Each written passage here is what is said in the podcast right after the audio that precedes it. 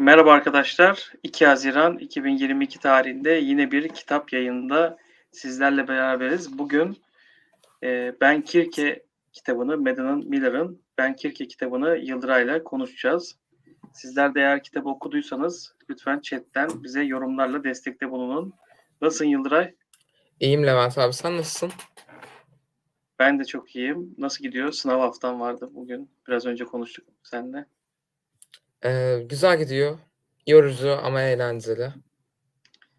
Herkes de şu an zaten benim de mesela ikinci üniversitenin sınav haftası. Cumartesi pazar sınavlarımız var. Herkese zihin açıklığı, başarılı sınavlar dileyelim. İstiyorsan İnşallah. yavaştan kitapla başlayalım.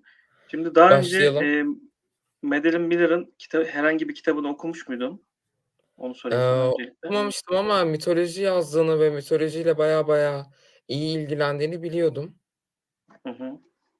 Ee, daha sonrasında bu kitabı bizim kitap kulübümüz seçtiği zaman sen yollamıştın. Okumaya başladım. Güzel bir şekilde başladı kitap. Daha sonrasında da e, kitapta anlatılanlar da ilgimizi çekti. Yani mitoloji sevmeyen bir kişi fantastik bir kitap okumayı seviyorsa bu kitabı da okuyabilir. Benim düşüncem Hemen öyle. yayının başında kitaba geçmeden şunu hatırladım. Yani mitoloji çok iyi bir bilginiz olmasına e, çok fazla gerek yok. Tabii ki olursa anlamınız açısından çok daha hızlı e, olur ama zaten kitabın arkasında bir hem karakterleri kısaca anlatan yani Olimposlu tanrıları, işte Titanları e, ve ölümlüleri anlatan ve o isimlerin kim olduğunu, tarihte ne rol Evet. aldıklarını ufakça açıklayan bir kısım var. Ben e, açıkçası bu kitabı okuy yeni okuyacak kişilere önce orayı bir okuyup kısa özeti, karakterleri tanıyıp başlamalarını tavsiye ederim. E, Ben direkt başlamıştım. Sonra kitabı karıştırırken arkasına bir baktım. Ha Evet. böyle bir e, açıklama var. O gerçekten hani karakterleri anlamakta, o olay örgüsünü idrak etmekte çok işime yaradı. Sen de bu şekilde baktın mı Yıldıray okurken? Ee, ben ne yaptım Levent abi? Ben okurken dümdüz okudum. Yani e, yazarın betimlemeleri benim için çok büyük bir avantaj oldu. Çünkü e, betimlemeler yaparak kişileri tasvir ediyordu ve gözde daha iyi canlandırılmasını sağlıyordu. Arkaya bakma ihtiyacım olmadı. Eee, en sonunda ben okuma fırsatım oldu. A arada sırada gezinirken bakmıştım. Hani, eee, genellikle kısaca tanrıları, titanları, ölümlüleri güzel bir şekilde anlatmış, tasvir etmiş ve insanların anlayacağı dilde tasvir etmiş. Sade bir dili var. Aynen öyle. İstiyorsan kısaca başlayalım hemen kitabın konusu nedir, ne değildir? Yani bu bir tarihte geçen aslında e, Evet. mitolojik hikayenin e, feminen anlamda bir yorumu gibi geldi bana. Yani yazar tarihte bir cadı var Titanlar arasında ve Evet. bu cadının e, tarihte anlatıldığı gibi ol- olmadığını aslında Ben Kirke'nin gözünden anlatıyor o olay örgüsünü. Bir Ben kadın böyle deyip karakteri üzerinden anlatmış. kesinlikle ben böyle deyip sana sözü veriyorum. Tamam, eee, ben başlayayım o zaman. Eee, Kirke'yi konusu olarak birazcık alıntılar yaparak aktarayım. Eee, Ben Kirke'de ya bize İtaki Yayınları bu kitabı sunuyor. 404 sayfalık bir roman. Eee, Kirke'nin hayatını anlatıyor. Kirke'nin, eee, yaşamı en başında böyle çok yalnız bir karakter. Annesi çok iyi sular tanrısı. Babası da en iyi tanrılardan biri. Amcaları, Babası kuzenleri. babası güneş tanrısı. Evet, babası Eee, güneş tanrısı, annesi akarsu tanrısıydı galiba. okyanus tanrısı gibi geçiyor aslında. Eee, ve hani o güneş tanrısı olmasının e, şeyiyle herkes ondan korkuyor. Ve Evet. e, a- yani onun, onun ailesinde olan kişilere e, genel anlamda herkesin bir saygısı var. Ama e, Ben Kirke karakterini babası dahil çok fazla sevemiyor ve bir yalnızlık da aslında kitap başlıyor ve birçok yerinde de bu şekilde devam ediyor. Evet. Emm, hani, insanın yalnızlığını en güzel şekilde açıklayan bir roman bence. Çünkü her bölümünde yalnızlıktan bahsediyor. Daha sonrasında, emm, sevgili yapıyor, kendi hazzını, eee, doldurmaya, doyurmaya çalışıyor. Daha sonrasında ufak ufak büyüler yapıyor. Büyüler yaparak ilk büyüsünün mesela aşk büyüsü olduğunu öğreniyoruz. Ya, çoğu insan Kirke'yi mesela kötü bir karakter olarak gösteriyor ama Kirke kendini anlatırken benim yaptığım ilk büyü aşk büyüsü diyor. Hani, en başından böyle bir büyüyle başlıyor. Aslında şöyle, aile üyeleri hep, eee, tanrı olduğu için ve etrafında, eee, olan kişiler, eee, bu hepsinin yüce varlıklar olduğunu düşünürsek ve ölümsüz olduklarını düşünürsek, Evet. ya, Kirke'nin aslında çok da bir özelliği olmayan, eee, hani, çok bir kudreti olmayan bir tanrı gibi, eee, kitap boyunca Evet, baş kitap öyle başlarken okuyoruz ve hatta babası da ölümlü sesi var, eee, bu kızda deyip, hani, aslında kimse onu, ııı, tanrı olarak da çok fazla görmüyor. Aynen Ve öyle.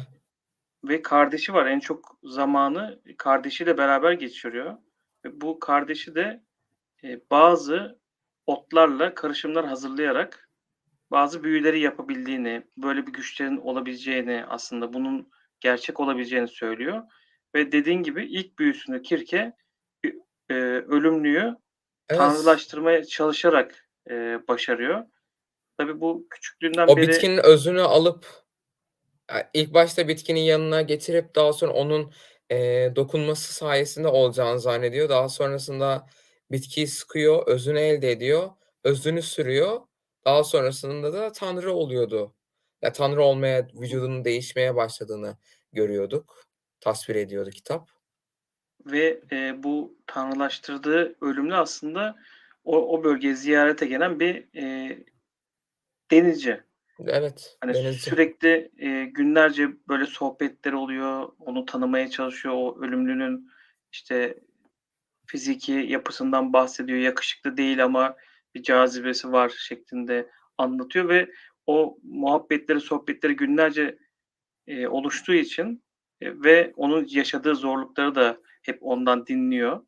Çünkü tanrıların, eee, pek bir olduğu ortamda herkes tanrı olduğu için çok bir şeyleri yok. Aslında tanrıların tek derdi kendilerine itaat edilmesi ve sunaklar sunup kendilerine, eee, kurbanlar verilmesi ve bunun karşılığında, hani, o güçlerinden insanlara bir miktar yardımda bulunmak ya da cezalandırmak gibi hep bu bu minvalde aslında Evet. sohbetler geçiyor ve bunun da şu şu şunu okurken ben aç açıkçası, eee, o kadar büyük güçlerin ölümsüz olduğunu da bir yerden sonra aslında çok da bir anlamı olmadığını anlıyorsun. Çünkü, eee, bir gücü elde etmek için biz insanlar, eee, çok Çok emek uğraşıyoruz. harcıyoruz, uğraşıyoruz.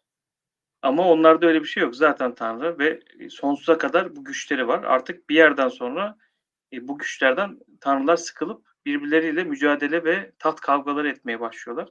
Bu kitabın başında da ortasında da bunlar çok güzel anlatılıyor. Ne zaman ki ölümlülerin hayatları konuşulmaya başladığı zaman hep Kirke, eee, böyle heyecanlanıyor, dikkatle dinliyor. Evet. Ve dediğin gibi ilk büyüsünü de, yani, normalde büyü gücünün olduğunu bilmiyordu ama aşık olduğu bir Öğreniyor. karakteri tanrı yapıp, yani, tanrı yapmak istemesinin sebebi de ondan kopmak istemiyor. Çünkü diyor ki ölümlülerin, eee, hayatı su gibi çok çabuk geçecek diyor ve ben onun yaşlandığını göreceğim. Onlarla onunla beraber hayat boyu, yani, Olamayacak. onun ölümsüz olduğunu düşünürsek Kirke'nin ya da tanrıların, kitapta anlatılan mitolojik tanrıların hep beraber olamayacağını düşünüyor ve bunun için de dediğin gibi bitkilerin, eee, özünü, eee, alıp bazı kelimeler fısıldayarak yapmaya çalışıyor ki gerçekten de başarıyor, değil mi? Evet, gerçekten başarıyor.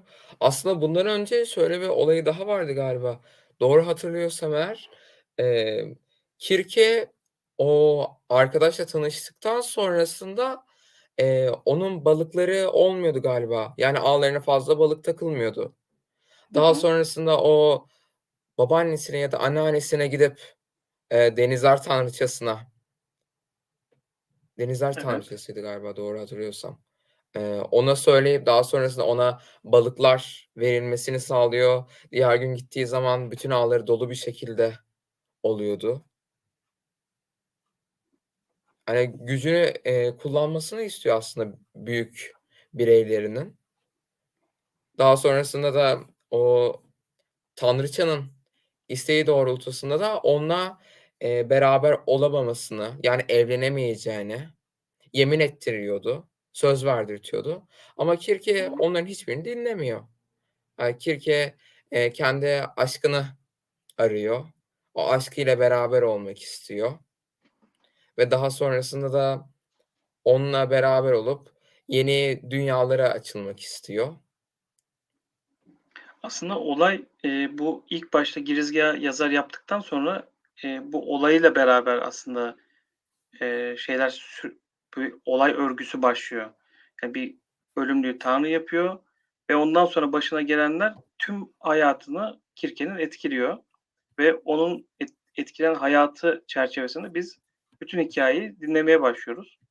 Ben istiyorsan, eee, seni biraz dinlendiririm, oradaki kısmı biraz anlatayım.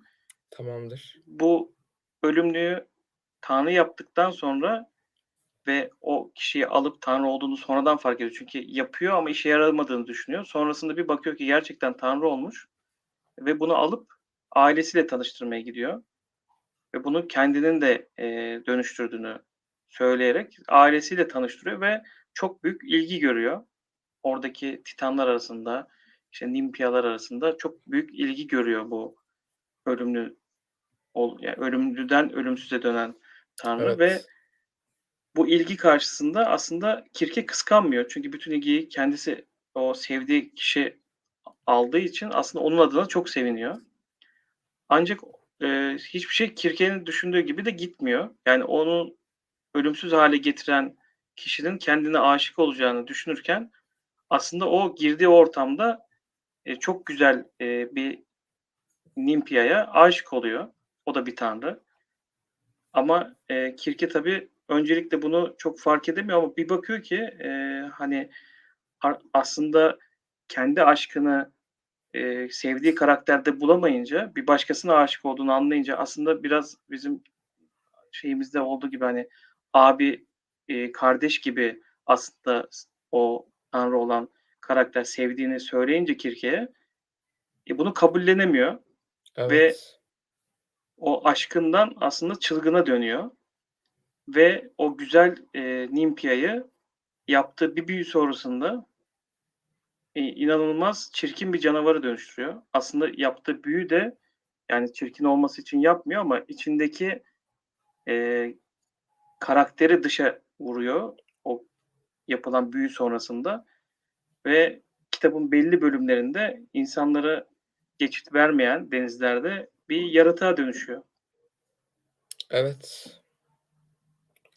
Ve bu yaptığı şey de, eee onun tarafından yapıldığı anlaşılınca itiraf ediyor ve babası çok sinirleniyor. Hatta Zeus ve, eee, babası arasında bir anlaşmazlık oluyor. Yani, "Bu kızının sorumluluğunu senin alman lazım." deyip çok büyük bir tartışma çıkıyor. Çünkü oradaki, eee, şu an kontrol, tanrıların kontrolü Zeus ve etrafının, eee, elinde. E, babası da çok güçlü bir tanrı ama Tanrı. eee, burada dengelerin değişmemesi için Zeus'un verdiği cezayı kızına uygulama yolunu seçiyor babası. Güneş tanrısı Helios'tu yanlış hatırlamıyorsam. Helios, evet. Ve Zeus diyor ki, "Bir adaya kızını sonsuza dek tek başına olacak şekilde Sürgüne göndereceksin." yolluyor. Aynen Doğru öyle, biliyorsam. sürgüne yolluyor. İstiyorsan buradan devam et. Bu arada arkadaşlara hatırlatalım, eee, bir kısa es verelim kitaba. Yayında, eee, chat'ten desteklerinizi, katkılarınızı bekliyoruz. Ayrıca bir sonraki ayın, haziran ayının kitabı da Paulo Coelho'nun Simyacı kitabı olacak ve bizim gibi bu kitabı hazir eee, haziran ayı boyunca okuyup haziranın sonunda yapılacak yayına katılmak isterseniz bu kitaptan 2 kişiye hediye edeceğiz ve chat'ten, eee, bunu belirtmeniz, kitabı bizimle beraber haziran ayında okumanız ve haziranın sonunda yapılacak yayına bizimle, Yıldıray'la beraber katılmanız için sadece gereken şartlarımız bunlar. Katıldığınız takdirde chat'ten istekli olan arkadaşlar lütfen yazsın. 2 kişiyi Yıldıray'la beraber belirleyip bu kitabı hediye edeceğiz. Deyip hem de hemen bizim kitap kulübümüzün Telegram kanal linkini de chat ekranından paylaşayım. Sen hikayenin adaya sürgüne gönderilen Kirke'nin hikayesiyle devam et Yıldıray. Ee, devam edeyim. Sürgüne yollanmasından sonraki zamana. Şimdi em, bunu duyan Zeus galiba onu ömrünün sonuna kadar Ayı ay yani nasıl söyleniyordu? Ai Aye adlı bir adaya yolluyor. Doğru hatırlıyorsam. Oraya sürgüne yolluyor. Kirke çok üzülüyor. Daha sonra ama bu adaya gitmek zorunda kalıyor. Bu adaya gittiğinde bitkileri ile e, büyüler denemeye başlıyor. Hayvanları besliyor. Kendi onları koruma yapıyor. Daha sonrasında onların zamanında 10 yıllar yani insanların zamanında 10 yıl bunlar için 100 yıl. Yani tanrılar zamanında e, bir yıl eşittir 10 yıla denk düşüyor diye biliyorum ben. E, daha sonrasında hayvanları besleyip e, kendi onları koruma yaptıktan sonra Odysseus adlı bir denizci mürettebatı ile Kirke'nin adasına sığınıyor. Kirke onların zor durumunda olduklarını görüp yardım ediyor. Bu mürettebat Troya Savaşı'ndan geldiklerini, uzun zamandır ülkelerine dönemediklerini anlatıyor. Bir süre e, o adada toparlanmaya çalışıyorlar. En kısa zamanda döneceklerine dair söz verip Kirke'yi adada kalmalarını ikna ediyorlar. Kirke onların bu haline üzülüp kabul ediyor. Daha sonrasında Odysseus ile güzel vakitler geçiriyor. Onun kahramanlık hikayelerini dinliyor. Kahramanlık hikayelerini dinledikten sonra daha sonrasında da onunla birazcık eee, duygusal ilişkiye girdiklerini ben sezdim. Daha sonra onu seviyor. Onu adadan göndermemek için birçok bahane buluyor. Bir sene kadar orada kalıyorlar. Daha sonrasında bahar mevsiminde artık ülkelerine dönme vaktinin geldiğini söyleyip dönüyorlar. Onlar gittikten sonra Kirke'ye bir haller oluyor. Hamile olduğunu anlıyor. Bir anda doğum yapıyor. Ama çocuğun kimden olduğu belli.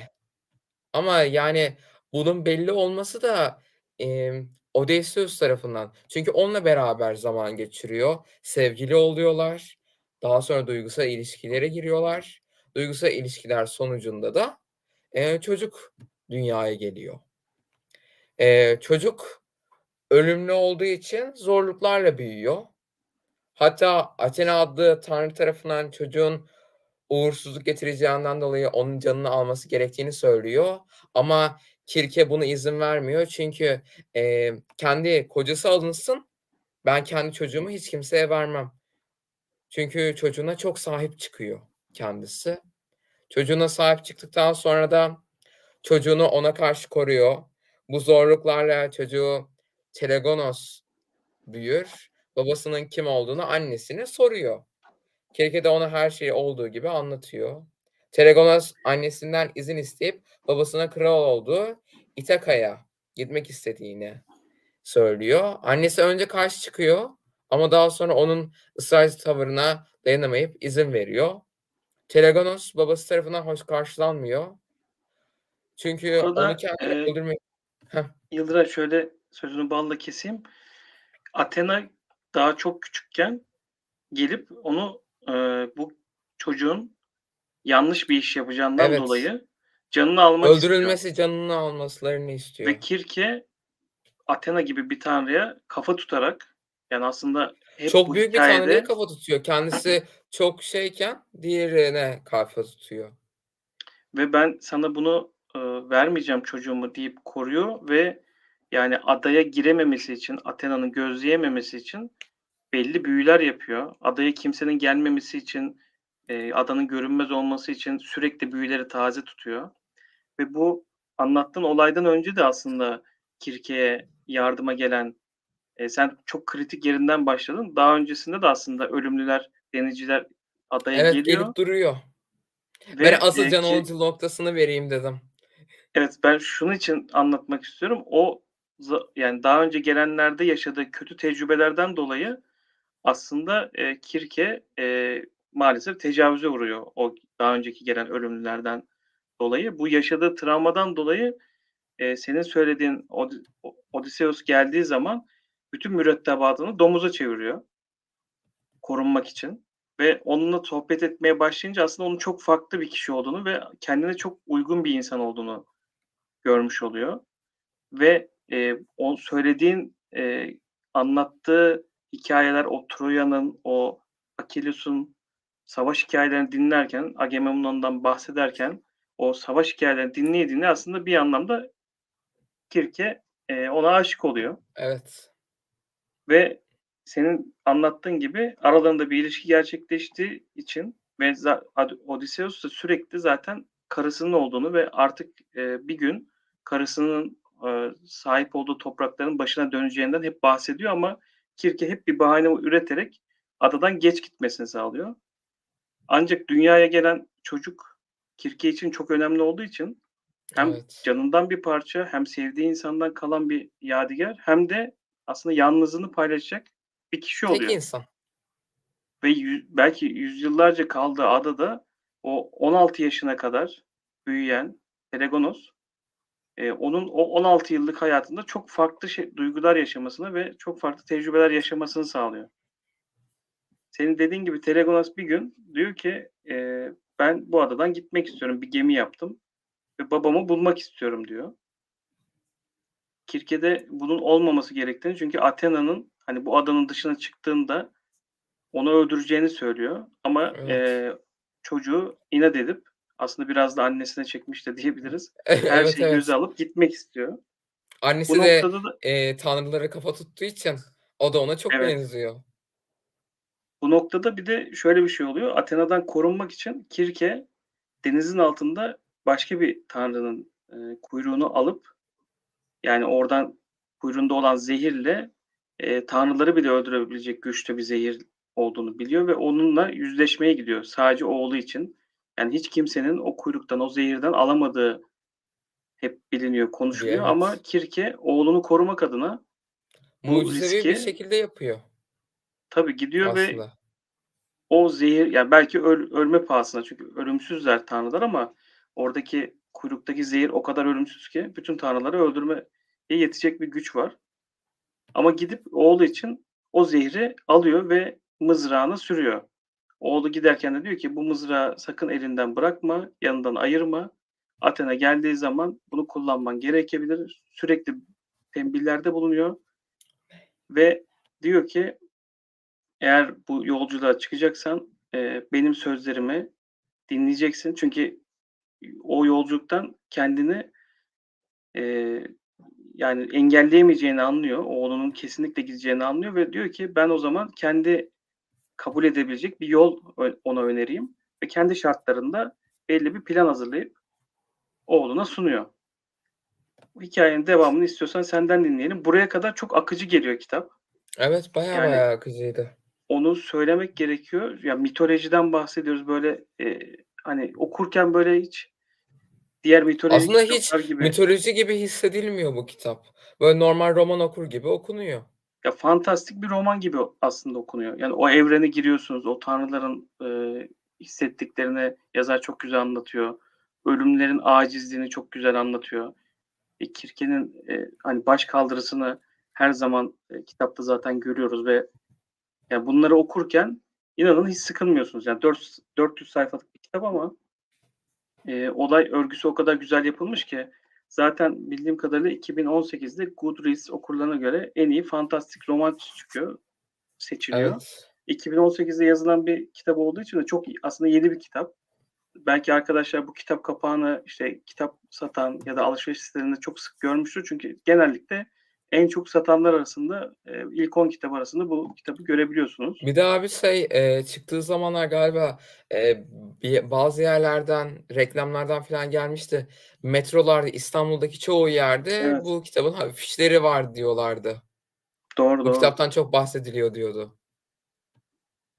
Ve Athena'nın karşı çıkmasına rağmen, yani kötü bir şey yapacağını söylemesine rağmen bu çocuk adadan da annesini dinlemeyip babasını bulmak için İthaka'ya gidiyor.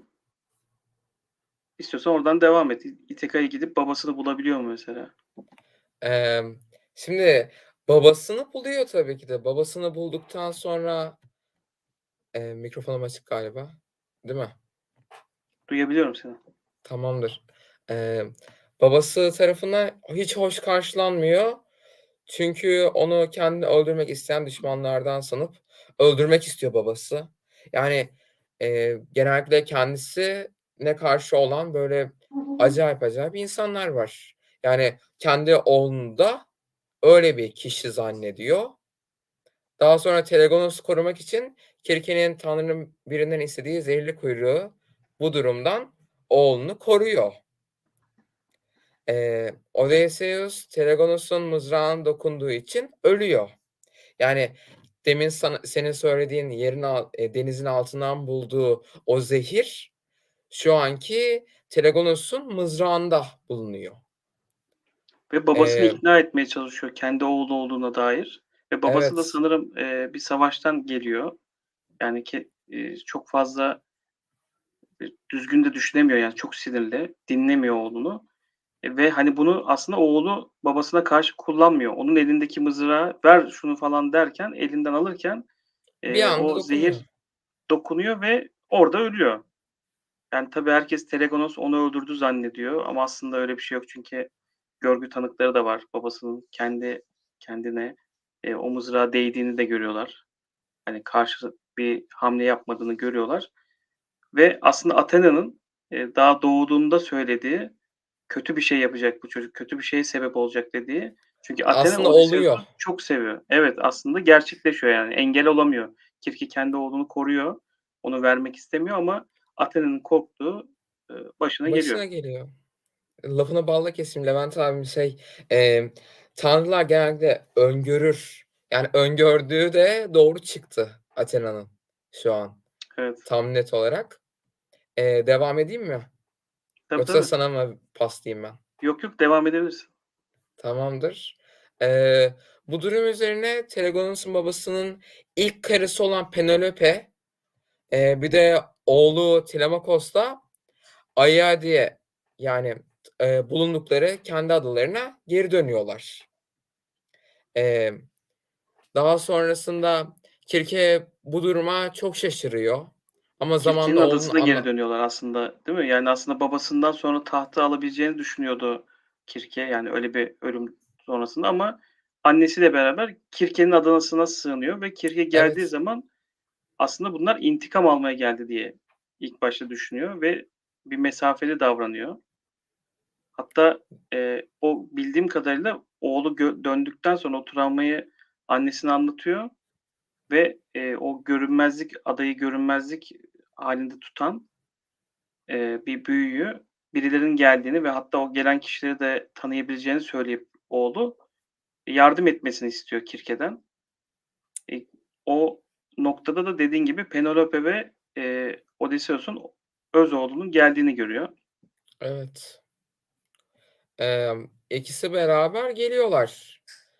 Emm, daha sonrasında, emm, yani Kirke aslında şaşırıyor. Daha sonra oğlunun anlattıklarıyla onları kabulleniyor. Emm, daha sonrasında, eee, tekrardan Athena Kirke'nin adasına geliyor. Telemakos'u babasının mirasçısı olarak savaşıp bir ülkeye kral yapmak istediğini söylüyor. Yani aslında adaya gelip Penelope'nin çocuğuna yani Odysseus'un adadan Evet. ayrılan çocuğuna teklifte bulunuyor. Ya, Ve onu orada bir da ülkeye tanrı yapmak istiyor. Evet, yani efsanelere bir kahraman olacakken, eee, bir süre istiyor. Hatta Kirke diyor ki, "Bir süre ver, hani, düşünsünler." Ki Athena da böyle şeyleri aslında duymaya alışık değil. Çünkü her söylendiğinin olmasına ve yapılmasına alışkın. Çok güçlü bir tanrı olduğu için. Kirke yine Aynen orada öyle. aslında ona karşı yine dik duruyor. Ve, eee, o süre sonunda ne karar verdi? Sen açıkla Yıldıray. Ne karar verdi? Açıklayayım. Emm, aslında Telemakos bunu kabul etmiyor. Onun yerine Telegonos Athena ile gitmek istiyor. Yani bunu kabul etmiyor. Ne yaptığını, eee, bilmiyorsun herhâlde diyor Kirke. Annesi de diyor ki Athena diyor ki Aynen. annesine, Penelope konuş, oğlunu ikna et diyor. Neyi kaybettiğinin farkında değil. Hatta Kirk'e de sen ne yaptığını sanıyorsun diyor. Buna nasıl hayır dersin diye. Ama o öyle bir karakterde gibi çocuk ki hiçbir şekilde efsanede kar, kahraman olmak istemiyor. Sadece hayatını düz bir insan gibi yaşamak istiyor. E- evet. Sıradan biri olmak istiyor aslında. Babasının çünkü kitabı okurken şunu da hissediyorsunuz. Babasının yaşattığı çocukluk travmasını bir başkasına Kendisini yaşatmak yaşamamasını istemiyor. istiyor. Evet, hem kendisini yaşamamasını hem de çocuğu olursa ona yaşatmak da istemiyor. Ya bu kitabı okurken is- ister Tanrı olsun, ister efsane güç sahibi ölümlüler olsun, bu güç sahiplerinin aslında ailesine önem vermediklerini e, bu yazar çok güzel aktarıyor bize. Yani çocuklarını çok düşünmüyorlar, sadece gücü odaklanmışlar, sadece e, Ben ne yapabilirim şeyi var. Evet, egoları aslında biraz da önlerine geçiyor. Hayatlarının önüne geçiyor, sevdiklerinin önüne geçiyor. Ve Aslında Athena çok sürpriz bir teklifle tamam diyor Penelope senin oğlun kabul etmiyorsa bunu ben e, Kirke'nin çocuğuna teklif ediyor. Zaten Kirke'nin çocuğu da adadan ayrılmak isteyip gitmişti babasının efsanelerini dinleye dinleye annesinden. evet. O bunu kabul ediyor. Ve yani bu hikaye bambaşka bir hale dönmüş oluyor. Evet. Çok acayip bir hikayeye bürünüyor. Yani ç- eee, gene Kirke oğluna karşı çıkıyor. Yani o adaya gitmesini, babasının yanına gitmesini de istemiyor. Athena ile beraber olmasını da istemiyor Kirke. Yani her zaman bir eee, annelik içgüdüsü derler ya, kötü bir şey olacak, o kötü şeyin önüne çıkmak istiyor. Ama gene oğlu dik başlılık edip gene başına buyruk bir şekilde hareket ediyor. Ya benim gördüğüm şekil bu. Athena Ve ile gidiyor. Daha sonra eee Kirke de babasını yanına çağırıp kendisi için Zeus'la görüşüp cezasının bitirilmesini istiyor. yani şimdi ölümsüz bir tanrının sürgünü sonsuza kadar sürecek.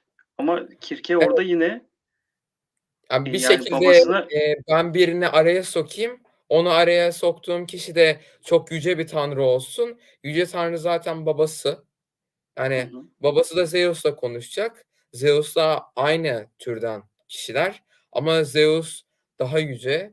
Herkes ondan korkuyor aslında. Zeus'tan da korkuluyor. Zeus babasından, güneş zaten tanrısından kudret sahibi. Kudret sahibi yani her şeyin e, İradesi çok kişi. yüksek bir kişilik. Ve Kirke kendi babasına gelip dediği zaman hani bunu konuşacaksın ve benim sürgünümü bitireceksin dediği zaman sen kimle konuştuğunu ne istediğinin farkında mısın diyor babası. Ve Kirke kendi babasını tehdit ediyor. Yani bunu anlatırım Baya bazı baya bildiği tehdit ediyor. şeyleri tabii tabii bazı bildiğim şeyleri anlatırım. Senin e, bu gücünü yıkarım vesaire diye e, yani ciddi anlamda tehdit ediyor ve babası bu kararlılığı görünce e, mecburen tamam diyor konuşacağım diyor. Yani şimdi biz bunları böyle parça parça anlatıyoruz ama arkadaşlar kitabı okuduğu zaman hani biraz Daha da iyi bir şekilde meraklansınlar diye akıllarına canlanır bence. meraklansınlar diye tamamını anlatmıyoruz. Evet konuları böyle örgü örgü anlatıyoruz ama tabii bu kadar hani bizim konuştuğumuz 10 dakikalık 20 dakikalık kitap değil. Kitabı okurken zaten o Baya dünyaya baya fantastik dünyaya giriyorsunuz ve bu bahsettiğimiz o tehditleşmeler, restleşmeleri gerçekten Yaşar size kitabı okurken e, yaşatıyor yani. Hani bu babasının kudreti karşısında, o güneş tanrısının yakıcılığı karşısında dik duruşunu. Yani zaten bu kitap e, başta da söyledim feminen bir karakterin e, aslında anlatılan mitolojik hikayelerde olduğu gibi bir cadı, bir hani arkadan işler yapan bir kişi olmadığını, aslında bu yaptığı verdiği kararların, yaptığı büyülerin sebeplerin ne olduğunu kitapta okuyarak e, çok güzel anlatıyor yazar. Ve orada aslında o anlatılan mitolojik hikayelerin e, background'unu çok güzel öğreniyorsunuz. Yani çocukluğunda yaşadıklarıyla, daha sonra sürgün yıllarında yaşadığı Evet. travmalarla, yani kendi kardeşi bile e, o adadan bir kısım birkaç günlüğüne kardeşini yanına çağırıyor ve aslında kardeşini çağırma sebebi de tamamen menfaat. Yani aslında hiç sevilmediğini ve değer görmediğini yaşaya yaşaya Kirke aslında bu Öğreniyor. kadar yaşamışlığının, eee, şeyini, acısını da çok kötü kalpli olmadığını gösteriyor kitapta. Yani sadece kendi oğluyla ilgili, kendi hayatıyla ilgili durumlar olduğu zaman büyülere başvuruyor. Yani insanlara zulmetmek için diğer titanlar gibi, diğer tanrılar gibi, eee, böyle kurbanlar sunulması için korkutmuyor ya da, eee, keyfi olarak ölümlülere cezalar vermiyor. Ölümlülerin hayatını zorlaştırmıyor diğer tanrılar gibi. Aslında tamamen kendi, eee, hayatına müdahaleler sonucunda bazı büyüleri yapıyor ve, eee, bunu yazar da bize çok güzel olayı örgülerle Anlatıyor. anlatıyor. Kitabı okurken sen de, eee, bilmiyorum ben okurken gerçekten güçlü kadın karakterini yani başından sonuna kadar hissettim. Yani Evet. bunun dışında senin, a anlatabileceğin, hissettiğin farklı böl bölümler var mı? Farklı karakterler mesela Kirke dışında karakterler gözüne çarptı mı? Imm, benim gözüme çarpan kişi, eee, birazcık kardeşi gözüme çarptı. Kardeşinin de, eee, çok tatlı bir kişiliğe sahip olduğunu ben düşünüyorum. Yani, Erkek kardeş Kirke'ye kardeşi mi? Evet, erkek kardeşinin. Hı hı. Yani her zaman çocukluk yıllarında beraber oluyorlar kardeşiyle. Eee, kardeşiyle beraber olduktan sonrasında da, emm, yani güzel vakit geçiriyorlar. En sonunda sürgüne yollanılması zaten, eee, bizi bizden alıyor. Asıl en can alıcı noktaları orada veriyor bize. Ya, bütün Aslında bu kadar, eee, kardeşiyle aralarının iyi olmasına rağmen hiç ne ziyaretine geliyor ne bir haber yolluyor. Yani o o da Evet. beni okurken, eee, şaşırtmıştı yani. Hani bir kardeşinden yardım alacağını falan düşündüm böyle bu hikâyeleri okurken ama hiçbir şekilde kardeşi Kirke'ye yardıma gelmiyor. Evet, en başta ben de onu düşündüm. Çünkü her şeyini kardeşiyle beraber paylaşıyor. Ya, bütün yaşadığı olayları kardeşine anlatıyor. Aslında cadılığı bile kardeşinden öğreniyor. Yani onların yapılabilir olduğunu, bitkilerin bazı özleriyle bazı büyülerin yapılabilir olduğunu aslında kardeşinden öğreniyor. Yani, eee, bir de abi şey bölümü vardı. Ü ünlü bir tanrıçanın yakılması yakıl işkenceye tabi tutulması ve işkenceye tabi tutulup öldürülmesi. Yani Kirke'nin gözünden anlatılmıştı ya o bölüm. İlk Prometheus'u mu diyorsun ilk Evet, başta? Prometheus. Kirke'nin amcası. Hı hı. Ya Yani Prometheus yaptığı bir hatadan dolayı cezaya çarptırılıyor ve yanına kimse giremezken yine Kirke her şeyi göze alıp Giriyor. Prometheus'un yanına giriyor ve o konuşma, sohbet sırasında da aldığı şeyleri, eee, o mesajları, eee, hayatında da oradaki yani yer ediyor aslında. Diğer yaşadığı zorluklarda o hikâyeden hep çıkardığı derslerle beraber hareket ediyor. Yani Yani ben gerçekten kitabı çok beğendim. Bilmiyorum senin Ben de beğendim. Yani, eee, çoğu kişi bu kitabı çok eleştiriyor. Ya, biz de denk geldik. Yani ben kitabı okuduktan sonra yayından önce 1-2 tane daha video izledim. Yani bazı YouTube kanalları, yani bu kişi hakkında, yani Kirke hakkında acayip acayip söylemlerde bulunuyor. Ama aslında öyle bir karakter değil. Şimdi aslında o eski hikâyede anlatılan Kirke'nin, kötü kalpli cadı Kirke'nin aslında bir yansıması. Ayrıca bu kitabı okurken tabii benim de rahatsız olduğum noktalar var. Hani tanrıların güç için yaptıkları, işte, ne bileyim, eee, mitolojik bir boğayla, işte, cinsel ilişki ya da tanrı ölümlü ilişkisinde, hani, böyle dini, eee, çok bütün olan insanların böyle okurken rahatsız olacağı şeyler var. Hani, ka kavramlar var. Hani, çok bağdaştıramıyorsun. Şu an birçok insanın inandığı din anlayışıyla, tek tanrılı din anlayışıyla, eee, mitolojik zamanda anlatılan tanrılar birbirini tutmuyor. Yani de onlarda hani galiba politeizm anlayışı varken bizde monoteizm var. Biz sa sadece Allah'a inanırken onların, eee, yüzlerce tanrısı var. İşte o eleştirilerin birçoğu da, hani, bu dindar kesim tarafından, yani, böyle, eee, bu mitolojik karakterlerin, eee, hani, inanç sisteminin de bazı sıkıntılara sebep olacağından dolayı bu hikâyelerin bu kadar yüceltilerek anlatılması biraz rahatsız etmiş. Ben de bazı eleştirileri okuduğumda, eee, bunları gördüm ama, hani, bu kitabı şöyle okumak lazım. mitolojik, fantastik bir kurgu. Yani Evet. bu gerçek değil. Hani mitolojik de ne kadar gerçek? O da çok büyük soru işareti. Uydurulmuş hikayeler diyen de var. Gerçek yaşanmış diyen de var. Ama bunu okurken bir kurgu roman okuyormuş gibi okursanız e, gerçekten keyif alırsınız. Yazar sizi sıkmıyor.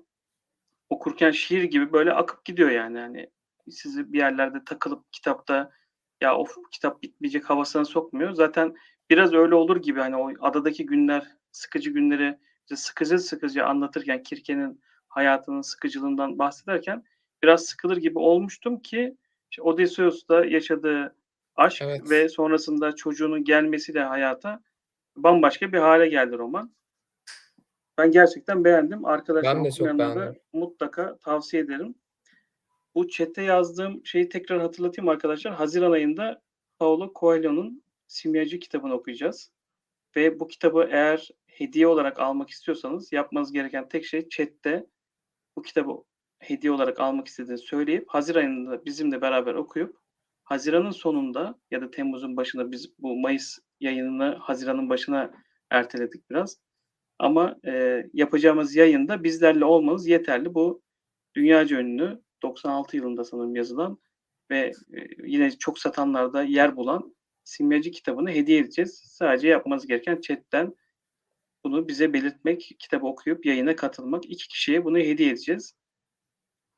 Eğer talep eden yoksa da canınız sağ olsun diyelim. Ee, yine chat ekranında ben kitap kulübü linkini paylaştım. Telegram kitap kulübümüze de arkadaşları bekliyoruz. Orada her ay bir oylama yapıyoruz. Mesela biz bu yayından sonra muhtemelen 1-2 gün içinde Temmuz ayının oylamasını yapacağız. Kitap Herkes yapacağız. Kitap tavsiye edecek ve 4-5 kitap olduğu zaman e, oylamaya sunacağız. Her ay biz kitapları bu şekilde belirliyoruz. Yani burada benim ya da Yıldıray'ın bu olsun, şu kitap olsun diye belirlemediğimizi özellikle belirtmek istiyorum.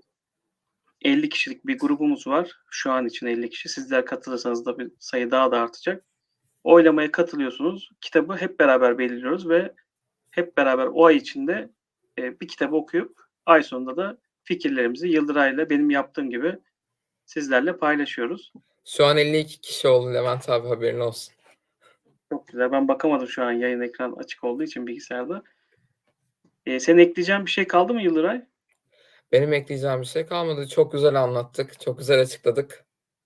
Güzel, Yani keyifli güzel bir sohbet, sohbet oldu. geçirdik. Evet.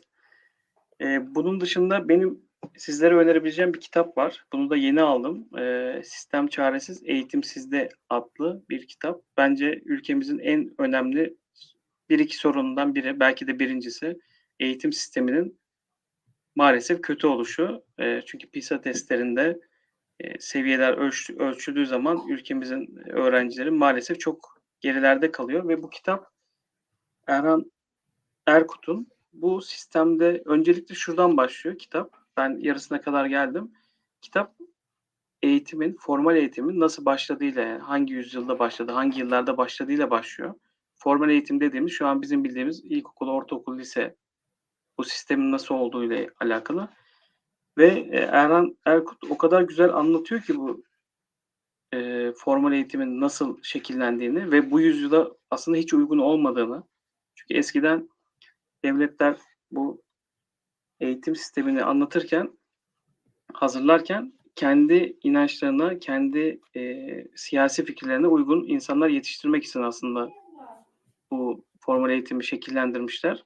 Ama 21. yüzyılda özellikle Z kuşağı ve Y kuşağı artık hangisi ise e, bu formal eğitimin aslında çok da o kişilere uygun olmadığı ortaya çıkıyor. Şimdi ben e, sadece 34. sayfada formal eğitimle hapishanelerin karşılaştırıldığı bir e, 8-10 maddelik bir benzerlik örgüsünden bahsedeceğim size. Bu bunu ben tavsiye eden Ünsal Ünlü e, yayında da bunu tavsiye ederken bunları okumuştu sanırım. Çok şaşırmıştım. Şimdi okulu düşünelim, bir de hapishaneyi düşünelim. Şimdi ortak ol, olan noktalardan bahsedeceğim. Şimdi bireylerin zorla kuruma dahil edilmesi var. Çünkü okula da hapishanede zorla gidiyorsunuz. Bireyler ceza ile yola sokuluyor. Devam zorunluluğu var. Otoriter bir yapı var ikisinde de. Kıyafet serbestliği olmaması var. Sessizlik ve düzene önem verilmesi var. Bireylerin sıraya dizilmeleri, bireysel otonomi kaybı var. Zoraki uyum var. İkisinde de. Kurallara uymayanların cezalandırılması var. Özgürlüklerin kısıtlanması var.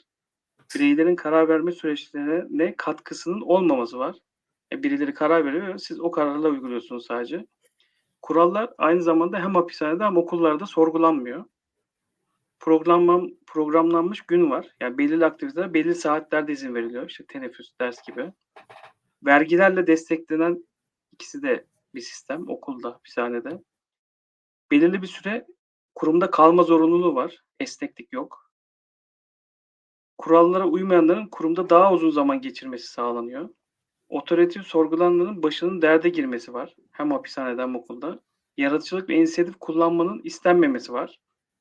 Tutkuların bireyselliğin dışa vurumların hoş karşılanmadığı bir ortam var. Yasak olmasına rağmen alkol ve uyuşturucunun yaygın kullanımı var. İki kurumda da. Güçlülerin zayıfları ezdiği, zayıfların ezilmemek için çetelere girdiği bir or- ortam var.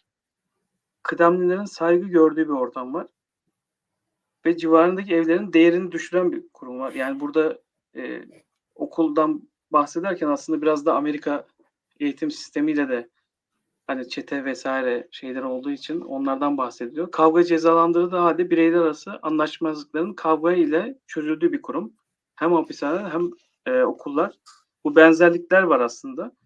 Ve e, kitabın devamında 21. yüzyıla uygun eğitimin nasıl olması gerektiğini Eren Erkut anlatıyor. Daha çok öğrencilerin katılımının olması gerektiğini, işte yapay zekanın, işte pandeminin nasıl değiştirdiğini eğitim sisteminin, aslında bundan sonraki süreçte e, eğitimin eski o formel yapıdan da çıkıp bu yeni nesile uygun hale getirmesinin gerekliliklerinden bahsediyor. Ben bunu hem öğretmenlere hem öğrencilere mutlaka okumalarını tavsiye ediyorum. Senin var mı Yıldıray herhangi bir tavsiyen? Ee, benim bu ayki tavsiyem yok. Ne yazık ki. Tamam. Tamam çok sağ ol. Katıldığın için beni yalnız bırakmadığın Ne için. demek? Sen de beni yalnız bırakmadın Levent abim. Ee, çok güzel bir sohbet oldu bence. Hem bu kitabı konuştuk hem eğitimle alakalı kitabın tavsiyesini vermiş oldum.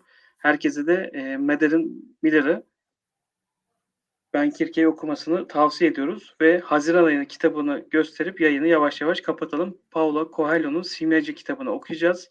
Siz yine e, bu kitabı okuyup Haziran ayı sonunda yapacağımız yayına hem izleyici olarak chatten katkılarınızla bizlere destek verebilirsiniz. Kitap kulübümüz linki de şu an chat ekranında var. Oradan da katılmak isterseniz HVP Kitap Kulübü'ne sizleri bekliyoruz. Görüşmek üzere. Haziran ayında bir başka kitapla birlikte olacağız. HVP Kulübü iyi akşamlar diler. İyi akşamlar.